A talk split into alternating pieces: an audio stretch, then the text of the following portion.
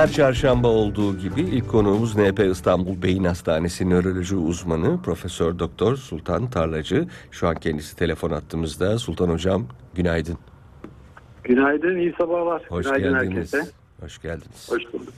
Hoş Ee, bulduk. şiddet konuşacağız ama şimdi son zamanlarda şeyi duyuyorum. Duygusal şiddet, ee, efendime söyleyeyim susma şiddeti gibi şiddetin ee, binlerce tanımın yapıldığını duyuyorum. Ee, şiddetin tarifi nedir? Şiddetin tarifinin çeşitlenmesi iyi midir? Yoksa asıl bildiğimiz asıl şiddeti ee, sulandırır mı? Bu konudaki yorumunuzu merak ediyorum ve tarifiyle başlayalım. Şimdi tabii şiddet dediğimiz şey karşı tarafa e, ruhsal ve fiziksel. Yani demin de söylediğiniz gibi e, bu sadece fiziksel olmayabilir. Genellikle hep e, bizim aklımıza fiziksel olarak geliyor şiddet denince. Hı hı. Ama tabii ki psikolojik ya da ruhsal ya da psikik şiddet de söz konusu olabilir. Hı hı. Ve olur aslında bu. E, çünkü insanın e, yapısını biz biliyoruz ki e, ruhsal ve bedensel bütünlükten oluşuyor. Bir de bunun sosyal boyutu var tabii. Hı hı. Dolayısıyla bu ikisi de sıkı ilişki içerisinde. Yani aslında bedeninize aldığınız bir şiddet sizin ruhsal yapınızı da e, içsel olarak etkileyebilir, e, bozabilir. E, onun iyilik halini bozabilir. Tek başına ruhsal e, aldığınız bir şiddet de gördüğünüz bir şiddet de aynı zamanda fiziksel yapınızı da bozabilir. Yani bunu ayırmak çok böyle kolay olmuyor her zaman. Çünkü ikisi iç içe geçmiş durumda insan oğlunda. Sizinle çünkü çok katmanlı bakabiliyoruz. Onu e, seviyorum o pratiği yapmayı. E, o yüzden sordum. Mesela geçenlerde okudum. E, ayrılık acısı bildiğiniz yani bilmiyorum beynin öyle bir fonksiyonu var mı ama ayrılık acısı e, kişide ciddi fiziksel acı gibi bir his e, yaratabiliyormuş bazı insanlarda. Tabii tabii yani şu, şöyle e, şiddetin e, tabii birkaç boyutu var onu Hı hı. da bahsederiz. Lütfen. Yani bir şiddet uygulanan kişi var. Bunun kendine ait bir beyin yapısı var. Bir de şiddet uygulayan e, kişi e, var ya da şiddete özür dilerim maruz kalan kişi Hı hı. var. Onun e, aldığı e, şiddete bağlı olarak işte ruhsal olabilir, fiziksel olabilir, duygusal, psikolojik ya da cinsel bir şiddet olabilir. Bunlardan kaynaklanan kendisinde bir değişim oluyor. Bir de bunu uygulayan kişinin ya da bunu e, yapan kişinin kendine ait bir beyinsel, kişilik, davranış özelliği var. Bu dediğiniz e, ayrılık ya da ayrılma acısı anne açısından, çocuk açısından düşünürseniz ya da işte e, romantik ilişkilerde düşünürseniz evet hakikaten kesinlikle gösterilmiş. Aa, eğer bir kişi e, romantik ilişkisinde, aşık maşuk, maşuk ilişkisinde reddediliyorsa e, aşık maşuku tarafından e, beyin adeta bir yas durumuna giriyor. Yani sanki birinci derecede yakını vefat etmiş gibi Hı hı. bir yas durumu olduğu gösterilmiş. Yani kendisi evet depresyona girebiliyor, üzülebiliyor, ağlayabiliyor. Ama gerçekten de arka planda beynine bakıldığı zaman beyinde sanki birinci derecede yakını vefat etmiş gibi bir yas yaşayabiliyor. Doğru.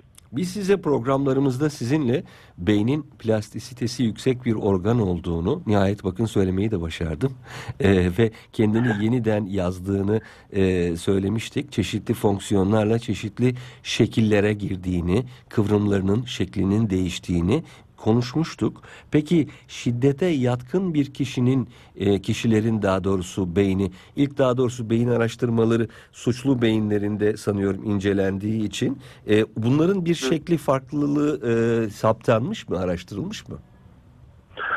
Tabii bu uzun yıllardır aslında şöyle bir e, araştırmalar hep yapılmış. Yani e, suçlu beyni nasıl bir özellik gösteriyor? E, bunun tabii çok boyutu var. Önce bu 1848'lerde e, beyni hasar görmüş kişilerin davranışlarının değiştiği görüldü.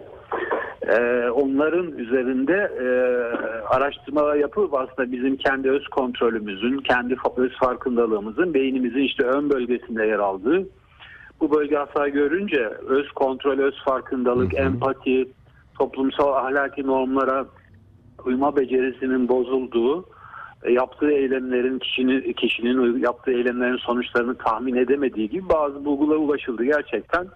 Yani beyin hasarları özellikle beynin e, frontal dediğimiz e, ön yani böyle tam alnımızın arkasında göz kürelerimizin üzerinde kalan Hı hı.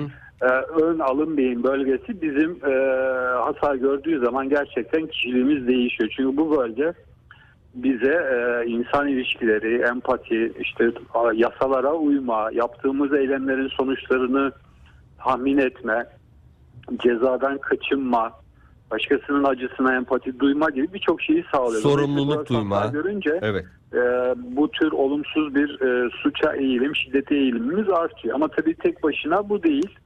E, bunun dışında e, tabii genetik faktörler var aileden gelen. Hı hı. Bunlar üzerine de çok araştırma yapılmış. Hı hı. Bazı genler şiddet eğilimi arttırıyor mu diye. Var mı öyle bir Ee, şey? Bu tür bazı genler var. Öz- Özellikle beyin kimyası üzerine dolaylı yoldan etki eden işte bir enzim bir enzim var protein diyelim ya da vücut beynimizdeki Hı hı. e, kimyasalların dengesini ayarlayan e, monoamin oksidaz diye mesela bir e, şey var. E, enzim ya da diyelim kimyasalı parçalayan bir protein beynimizdeki hormonları diyelim. E, bunun genlerinin e, belli bir e, özellik alması kişilerde şiddete eğilimi arttırdığı gösterilmiş. Dikkat arttırdığı gösterilmiş. Hatta buna savaşçı gen adı da verilmiş ilk bulunduğu Ha, evet zaman. doğru doğru savaşçı gen. Ama tabii tek başına bu bütün e, suçu ya da şiddeti açıklamıyor. Çünkü evet bir genetik yapımız var. Bu bir kader. Anne Tamam. babadan aldığımız gen ama Bir de epigenetik bizim var bir de ne epigenetik evet harika epigenetik çevre faktörleri var. Yani beynin özelliği başlangıçta genler beyni kurguluyor. Bir halısının örüntüsünün şablonunu veriyor. Yani yazıcıya diyor ki bu beyni böyle yazacak. Hı hı. Ee, ama o yazılırken e, anne karnında doğumdan sonra 1, 2, 3, 4, 5 yaşına hatta 21 yaşına kadar olgunlaşıyor beyin. O süreç içerisinde çevresel faktörler, e, bu çevre faktörü dediğimiz şey e, beslenmenizden tutun da işte yaşam soluduğunuz hava, e, anne babanızın size gösterdiği şefkat, duygu düzenleme becerisini kazandırıp kazandıramaması, öfke yönetimini kazandırıp kazandıramaması gibi e, iletişim becerisini kazandırıp kazandıramaması gibi bütün bu faktörler onun üzerine ekleniyor ve e, genetik kader diye bir şeyi böyle mutlak kabul etmiyoruz yani beyin açısından. Beynin hatta bu zeka için gösterilmiş mesela zeka çok nettir yani %50'si anne babadan gelir %50'si de daha sonra toplum ortam tarafından şekillendirilir. Kişilik de buna benzer özellikler taşır. E, Şiddet de buna benzer özellikler taşır. Yani biz ee, mesela e, antisosyal kişilik bozukluğu dediğimiz halk arasında psikopat Evet. denilen çok suç işlemeye, tekrarlı suç işlemeye meyleden, empati becerisi olmayan kişiler var. Bunlar maalesef e, yüzde bir oranında yani toplumda da sayı olarak bakıldığı zaman. Yani evet bunların beyni incelenmiş, bu alın beyin bölgesinde bir zayıflık, öz kontrol bozukluğu, empati eksikliği görülmüş.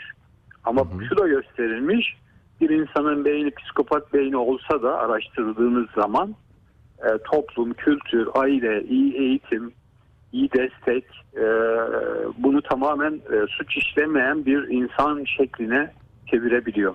Potansiyeli oluşturuyor. Yani genetik potansiyeli oluşturuyor. O potansiyeli kullanıp kullanmayacağınız eğitiminiz ve çevreniz tarafından e, daha çok belirleniyor diyebiliriz belki değil mi? Tabii aileden başlıyor zaten e, temelde olay aslında. E, sonuçta bir aile içerisinde doğuyor çocuk ve e, e, aile e, ne yapıyor? İlk öğrenme ortamı olarak çocuğa bir model sunuyor. E, davranışlarını doğrudan etkileyen ilk yapı anne baba. Dolayısıyla aslında bütün olay anne baba ve aileden başlıyor. Çekirdekten başlıyor. Daha sonra e, topluma yayılıyor. Eğer ailede çocuk iyi bir sevgi görmüşse, sözü dinlenmişse konuştuğu zaman yani e, çocuk sonuçta konuşur. Onu en azından dinlediğini göstermek gerekiyor. Kabul etsen de etmesen de. E, iyi bir iletişim ortamı ailede kurulmuşsa, e, hisleri anlaşılabilmişse ve onları ifade etmesi sağlanabilmişse çocuğun Yine ailede tabii bir disiplin varsa ve disiplin çocuklara sınırlarını gösterebiliyorsa ve öğretmişse ve aşırı abartılı cezalandırma ve şiddet uygulanmamışsa çocuğa ve günümüzde çok yaygın olan maalesef oyunlarda ve e, e, medyadaki diyelim genel olarak şiddet e, ve e, şiddetin artık desensitizasyonu dediğimiz artık şiddete karşı duyarsızlaşma. Yani böyle bir durumdan kaçınılmaz sağlanmışsa çocuğun e, ve çocukta da aile bazen öyle olabilir. kontrolsüz davranışlar, akran zorbalıkları yaptıklarını biliyorsa var aileler ya da işte e, psikolojik e, sıkıntılar yaşadığını biliyorsa aile kendi çocuğunun ileride bu çocuğun kendisinin e, yönetimini kendi başına sağlayabilmesi için psikolojik yardım ve desteği o çocuk için de almaları gerekiyor. Bütün bunlar ailede olursa zaten o çocuk ileride e, iyi bir vatandaş, iyi bir insan, iyi bir dünya insanı, iyi bir ülke insanı haline gelir yani. Tabii şey derler e, at binicisine göre kişner derler. Yani aslında evcil hayvanların bile e, tabirimi mazur görün e, sahibine benzer derler. Sahibinin davranışları e, ruh hali e, hayvanın tepkisini ve karakterini çok etkiliyor. Ee, mesela yumuşak konuşulan sakin evlerde hayvanlar daha sakin oluyor da böyle sert sevilen yerlerde hayvanlar da hırçınlaşıyor. Ee, insanlar da bu manada e, çok da farklı değil. Biz duygusal varlıklarız. Ee, bütün canlılar duygusal varlıklarız ve ortamı e, emiyoruz. Ortamdaki hisleri alıyoruz hocam. Tabii tabii özellikle yani çocuklar zaten aynalıyorlar. Doğar doğmaz daha konuşmadıkları halde daha dille iletişim kurmadıkları halde aynalıyorlar. Dolayısıyla çocuklara e, erken dönemde özellikle şiddet uygulanması başta söylediğiniz o beyin plastik yapısının iyi bir e, sanat eserine dönmesini Hı hı. engelliyor. Hı hı. Şimdi E, ya da iyi bir ispat halısı olmasını engelliyor. Arada ilmek kaçakları oluyor. Peki e, tabii aslında sarıyla kırmızıyı karıştırdığımızda farklı bir şey çıkıyor. Sarıyla yeşili karıştırdığımızda farklı bir renk çıkıyor. E, bize değen, bizimle iletişim kuran tüm ajanlar ve e, nesneler ya da insanlar da aynı rengi çıkarmıyorlar. E, aynı ailede büyüyen, e, farklı e, aynı muameleyi gören iki çocuk tamamen farklı olabiliyor. Burada da biraz sanırım yapı söz konusu. Yani daha doğrusu zorlukla mücadele etme tarzı önemli. Ee, örneğin şiddet gören iki çocuk şey yapalım. Psikolojik ya da fiziksel şiddet gören iki ayrı çocuk düşünelim. Bu çocuklardan bir tanesi çok içine dönük, e, çok korkak bir çocuk haline gelebilirken diğeri bir suç makinesine dönüşebiliyor. Burada mı hocam e, karakter ya da e, beynin olasılıkları devreye giriyor? Şimdi tabii e, burada şunu iki kardeş, biri olumsuz bir gidişat, birisi olumlu bir e, bununla başa çıkma becerisini kazanmış bir çocuk haline dönebiliyor. Çünkü e, biz anne babamızdan genleri alırken onların bütün kopyalarını almıyoruz. E, yarı anneden yarı babadan genleri alıyoruz ama bunlar bir de kendi içerisinde çaprazlaşma dediğimiz bir durum ortaya çıkıyor. Dolayısıyla o da bize çeşitlilik veriyor. Aa, Bu çeşitlilik başta genetik olarak belli oluyor. Ee, bu bizim kişiliğimiz olarak bakıldığı zaman kişiliğin bir mizaç bileşeni var. Bu anne babadan genetik olarak gelir. Bir de karakter bileşeni var. O da toplum, aile, okul demin söylediğimiz şekillendirilir. Dolayısıyla orada şöyle bir şanssızlık olabiliyor. Bu hem e, şiddet çocuğun ya da yetiştiği ailedeki e, bakım verme davranışına maruz kalma, şiddete maruz kalmayla başa çıkma açısından toplumun %33'ünde bir şanssızlık var. Genetik olarak var. Bu mesela Türkiye'de yapılmış %27. Bu şu demektir.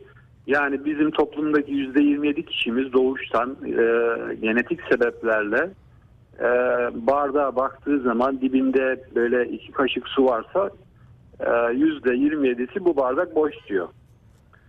Ee, Ama yüzde 33'ü de şunu diyor. O bardakta iki yudum alacak ya da ağzını satacak kadar su var diyebiliyor. Hı hı, hı. Yani bu bir genetik olarak bir evet bir bizim kişiliğimizi oluşturan çerçeve var. Ama bu çerçeve tabii e, bizim e, yetiştiğimiz ailenin tamamen e, e, işte bize nasıl duygusal e, yaklaştığını, algımızı nasıl e, algılarımızı nasıl şekillendirdiği, e, problem çözme becerimizi nasıl sağladığına bağlı ileride değişiyor. Bu çeşitliliği şöyle söyleyebilirim. Mesela Einstein iki kardeşli bir ailedeydi. Bir kız kardeşi vardı, bir kendi. Ee, kendisi bildiğimiz, bugün hatırladığımız bilim insanı. Ama mesela Einstein hat- şey, kız kardeşini hatırlıyor muyuz? Yok, Tabii ki. Hatırlamıyoruz. Ama mesela şair Tagore var, mistik şair. Hı hı. Mistik şair Tagore 13 ya da 14. çocuk diye hatırlıyorum yanlış hatırlamıyorsam. Yani Tagore'nin olması için 12 tane daha çocuk doğmuş ve 13 ya da 14. çocuk bildiğimiz mistik şair Hintli Tagore olmuş. Dolayısıyla ondan önceki hiçbirisi Tagore gibi bir şair ya da bilinen birisi değil. Ee, buradaki şey anlatabildim mi? Yani Tabii, tabii. genetik olarak gen ve yeni nesil ya da biyoloji çeşitliliği seviyor. Sürekli biz çeşitleniyoruz. Ama bu çeşitlilik sırasında da tabii ki bir ortak ağırlığımız var. Belli bir grubumuz daha yaratıcı, daha kreatif, daha üretken, e, stresle, baskıyla, e, hayattaki zorluklarla daha kolay başa çıkma becerisini, direncini gösterebilirken bir grubu da genetik olarak ya da işte esas tabii onun öze- genetik özellikler ama tek bir genden bahsetmiyoruz tabii. Tabii. E, hayattaki zorluklar karşısında daha yılan, daha e, çabuk e, kaçınan, e, yaratıcılığı az böyle bir durum söz konusu yani toplumda. Her toplumda bu var. Yani demin söylediğim %27 İtalyanlarda da aynı, e, Lübnan'da da aynı, dünyanın değişik yerlerinde de aynı aşağı yukarı. Çocuk e, ilk anılarında dayağı, fiziksel şiddetten bahsediyorum. E, dayağı bir sorun çözme yöntemi olarak işaretlediyse baba diyelim Hı hı. işte trafikte biri bağırdı. Baba da ona fiziksel şiddetle ona sözde galip geldi. Ya da işte çözülmeyecek bir sorun çözüldü. Ardından tabii bu çocuğun uzak durması sanıyorum zor oluyor. Çünkü bir kere onu sorun çözücü olarak işaretlemiş. Bir de bu var tabii. Tabii ailede çocuk o şekilde öğrenmişse e, herhangi bir e, problemle karşılaşınca e, bu sorunu çözmenin yolu şiddettir. Evet bunu modeller, bunu örnek alır zaten. Yani dolayısıyla e, aile içi şiddet ya da çocuğa olan şiddet e, düşünün bir çocuğun beyni zaten gelişiyor bir yaşından 5-6 yaşına kadar ve 5-6 yaşından da 21 yaşına kadar genelde e, kızlarda erkeklerde de 24 yaşına kadar beyni ancak matüre oluyor. Yani e, olgunlaşıyor. olgunlaşıyor ve tam böyle e, problem çözme becerisi hayatla ilişki kurabilecek duruma döndüğünü kabul ediyoruz beyin açısından bakıldığı zaman. Dolayısıyla aile içi e, problem çözme becerisini şiddet olarak görüyorsa trafikte de e, aynı şeyi uygulamaya çalışır maalesef. E, ama tabii çocuğa uygulanan şiddet onun sadece öğrenmesini sağlamıyor. Şiddet uygulandığı zaman kronikse çocuğa karşı aileden, ebeveyn tarafından beynin yapısını, işlevini de bozuyor. Yani yükselen kortizon seviyesi beynin olgunlaşma sırasındaki e, örüntüsünü bozuyor, yapısını bozuyor, hücreler arası ilişkisini bozuyor. Aynı zamanda duygu düzenleme bozukluğu da ortaya çıkarıyor çocukta ve e, duygularını düzenleme becerisini geliştiremiyorlar. Yani ne zaman sevineceksin, ne zaman ü- üzüleceksin, öfkelenince öfkeni nasıl kontrol altına alacaksın. E, tabii bir çocuk ailede şiddet görmüşse öğrendiklerinden dolayı da insanlara karşı daha az güvenir ve dünyayı daha çok tehditkar olarak görür. Ve buna da hızlı verdiği refleks yanıt genelde şiddet yani tehdide şiddetle yanıt ya da kendini koruma şeklinde yanıt vermeye çalışır. Şiddet ve Ve tabii evet. ki Heh, Özür dilerim. E, Şiddet ve öğrenme sözcüklerini aslında birden fazla kez haklı olarak yan yana kullandınız. Whiplash filmini izlediniz mi hocam? Hatırlayamadım. müzisyen e, çocuk konservatuvar gibi davul çalıyor. E, hocası onun üzerine çok baskı kuruyor. Ciddi bir fiziksel değil ruhsal şiddet uyguluyor. Çocuk muhteşem bir davulcu oluyor ama belki de ruh sağlığını kaybediyor. E, yani çok şiddet gösteren, psikolojik şiddet gösteren e, eğitmenler bu sayede çok çok yetenekli öğrenciler, üstatlar çıkarabiliyorlar ama tabii çok ağır bedeller karşılığında. Ee, yetenek tabii iyi bir şey yeteneği çıkarmak ama yeteneği tabii e, yeteneği ya da işte hani vardır ya yıldız olursun star Hı hı. olursun e, ama onu taşıyabilmek de gerekiyor. Tabii. Tabii. Yani onun altında ezilip hayatının e, mahvolmaması gerekiyor. Onu, onu bir yan e, ürün olarak, bir parça olarak taşıyabilmen gerekiyor. E, ya ama aslında o da bir beceri. Yani yaratıcılık e, e, evet güzel bir şey, yeni bir şey yaratmak ve çok başarılı olmak. Ama onu taşımak da ayrı bir beceri aslında. Yani ikisinin bir arada olduğu kişileri zaten biz daha çok hatırlıyoruz. Çok haklısınız. Ee, şimdi Amerika'da yapılan araştırmalarda seri katillerle ilgili e, markör diyebileceğimiz çok önemli işaretleyicilerden bir tanesinin bunların e, soruyorlar çocuk yaşlarında e, hayvana eziyeti var mı? Hayvana şiddeti var mı? Hayvanlara işkence etmiş mi, öldürmüş mü? E, ciddi anlamda bunların ileriki yaşlarda insanlara da benzer şeyler yapabileceği öngörülüyor. E, yani Evet. aslında bu kadar önceden e, sinyallerini veren bir şey bu şiddet. Hı hı hı hı, doğru. Doğru doğru. Yakın zamanda da hatta ki bir yani büyük böyle e, 1970'lerden günümüze böyle 20-30 yıl takip ettikleri çocuklar var böyle 2-3 tane seri. Bu çocukların e, e, ilkokul, ortaokul dönemlerinde mesela 12 tane belirteci alıyorlar. Bu işte hayvana şiddet, okuldan kaçma, okulda akranlarına zorbalık e, gibi böyle 12 tane parametreyi dikkate aldıkları zaman şu görülmüş bu 12 parametreyi çocuk ortaokul e, ya da işte ilkokul sonları ortaokul dönemlerinde eğer karşılıyorsa ileride mutlaka yasal bir dosyası oluyor. Hı hı. Yani bir kriminal olaya karışıyor ama dosyası oluyor. Yani basit olarak hani bir yaptı kayboldu değil gerçekten hukuksal bir e, sürecin içine giriyor.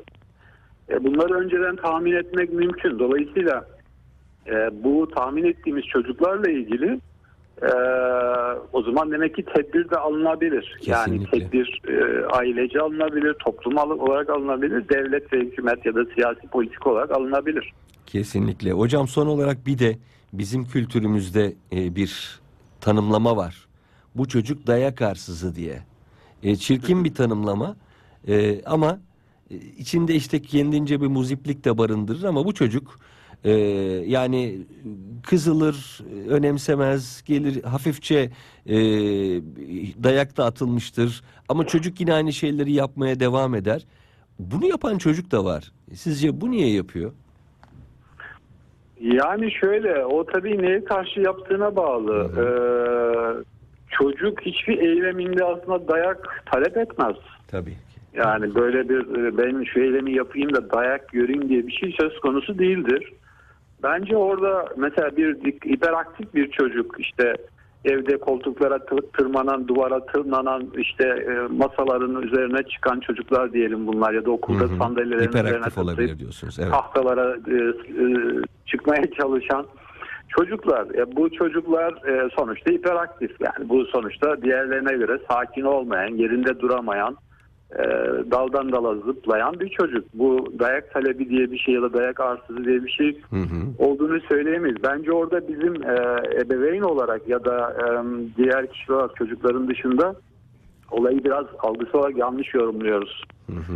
Yani o çocuğun e, o sınırları aşan davranışına mutlaka bir anlamı vardır.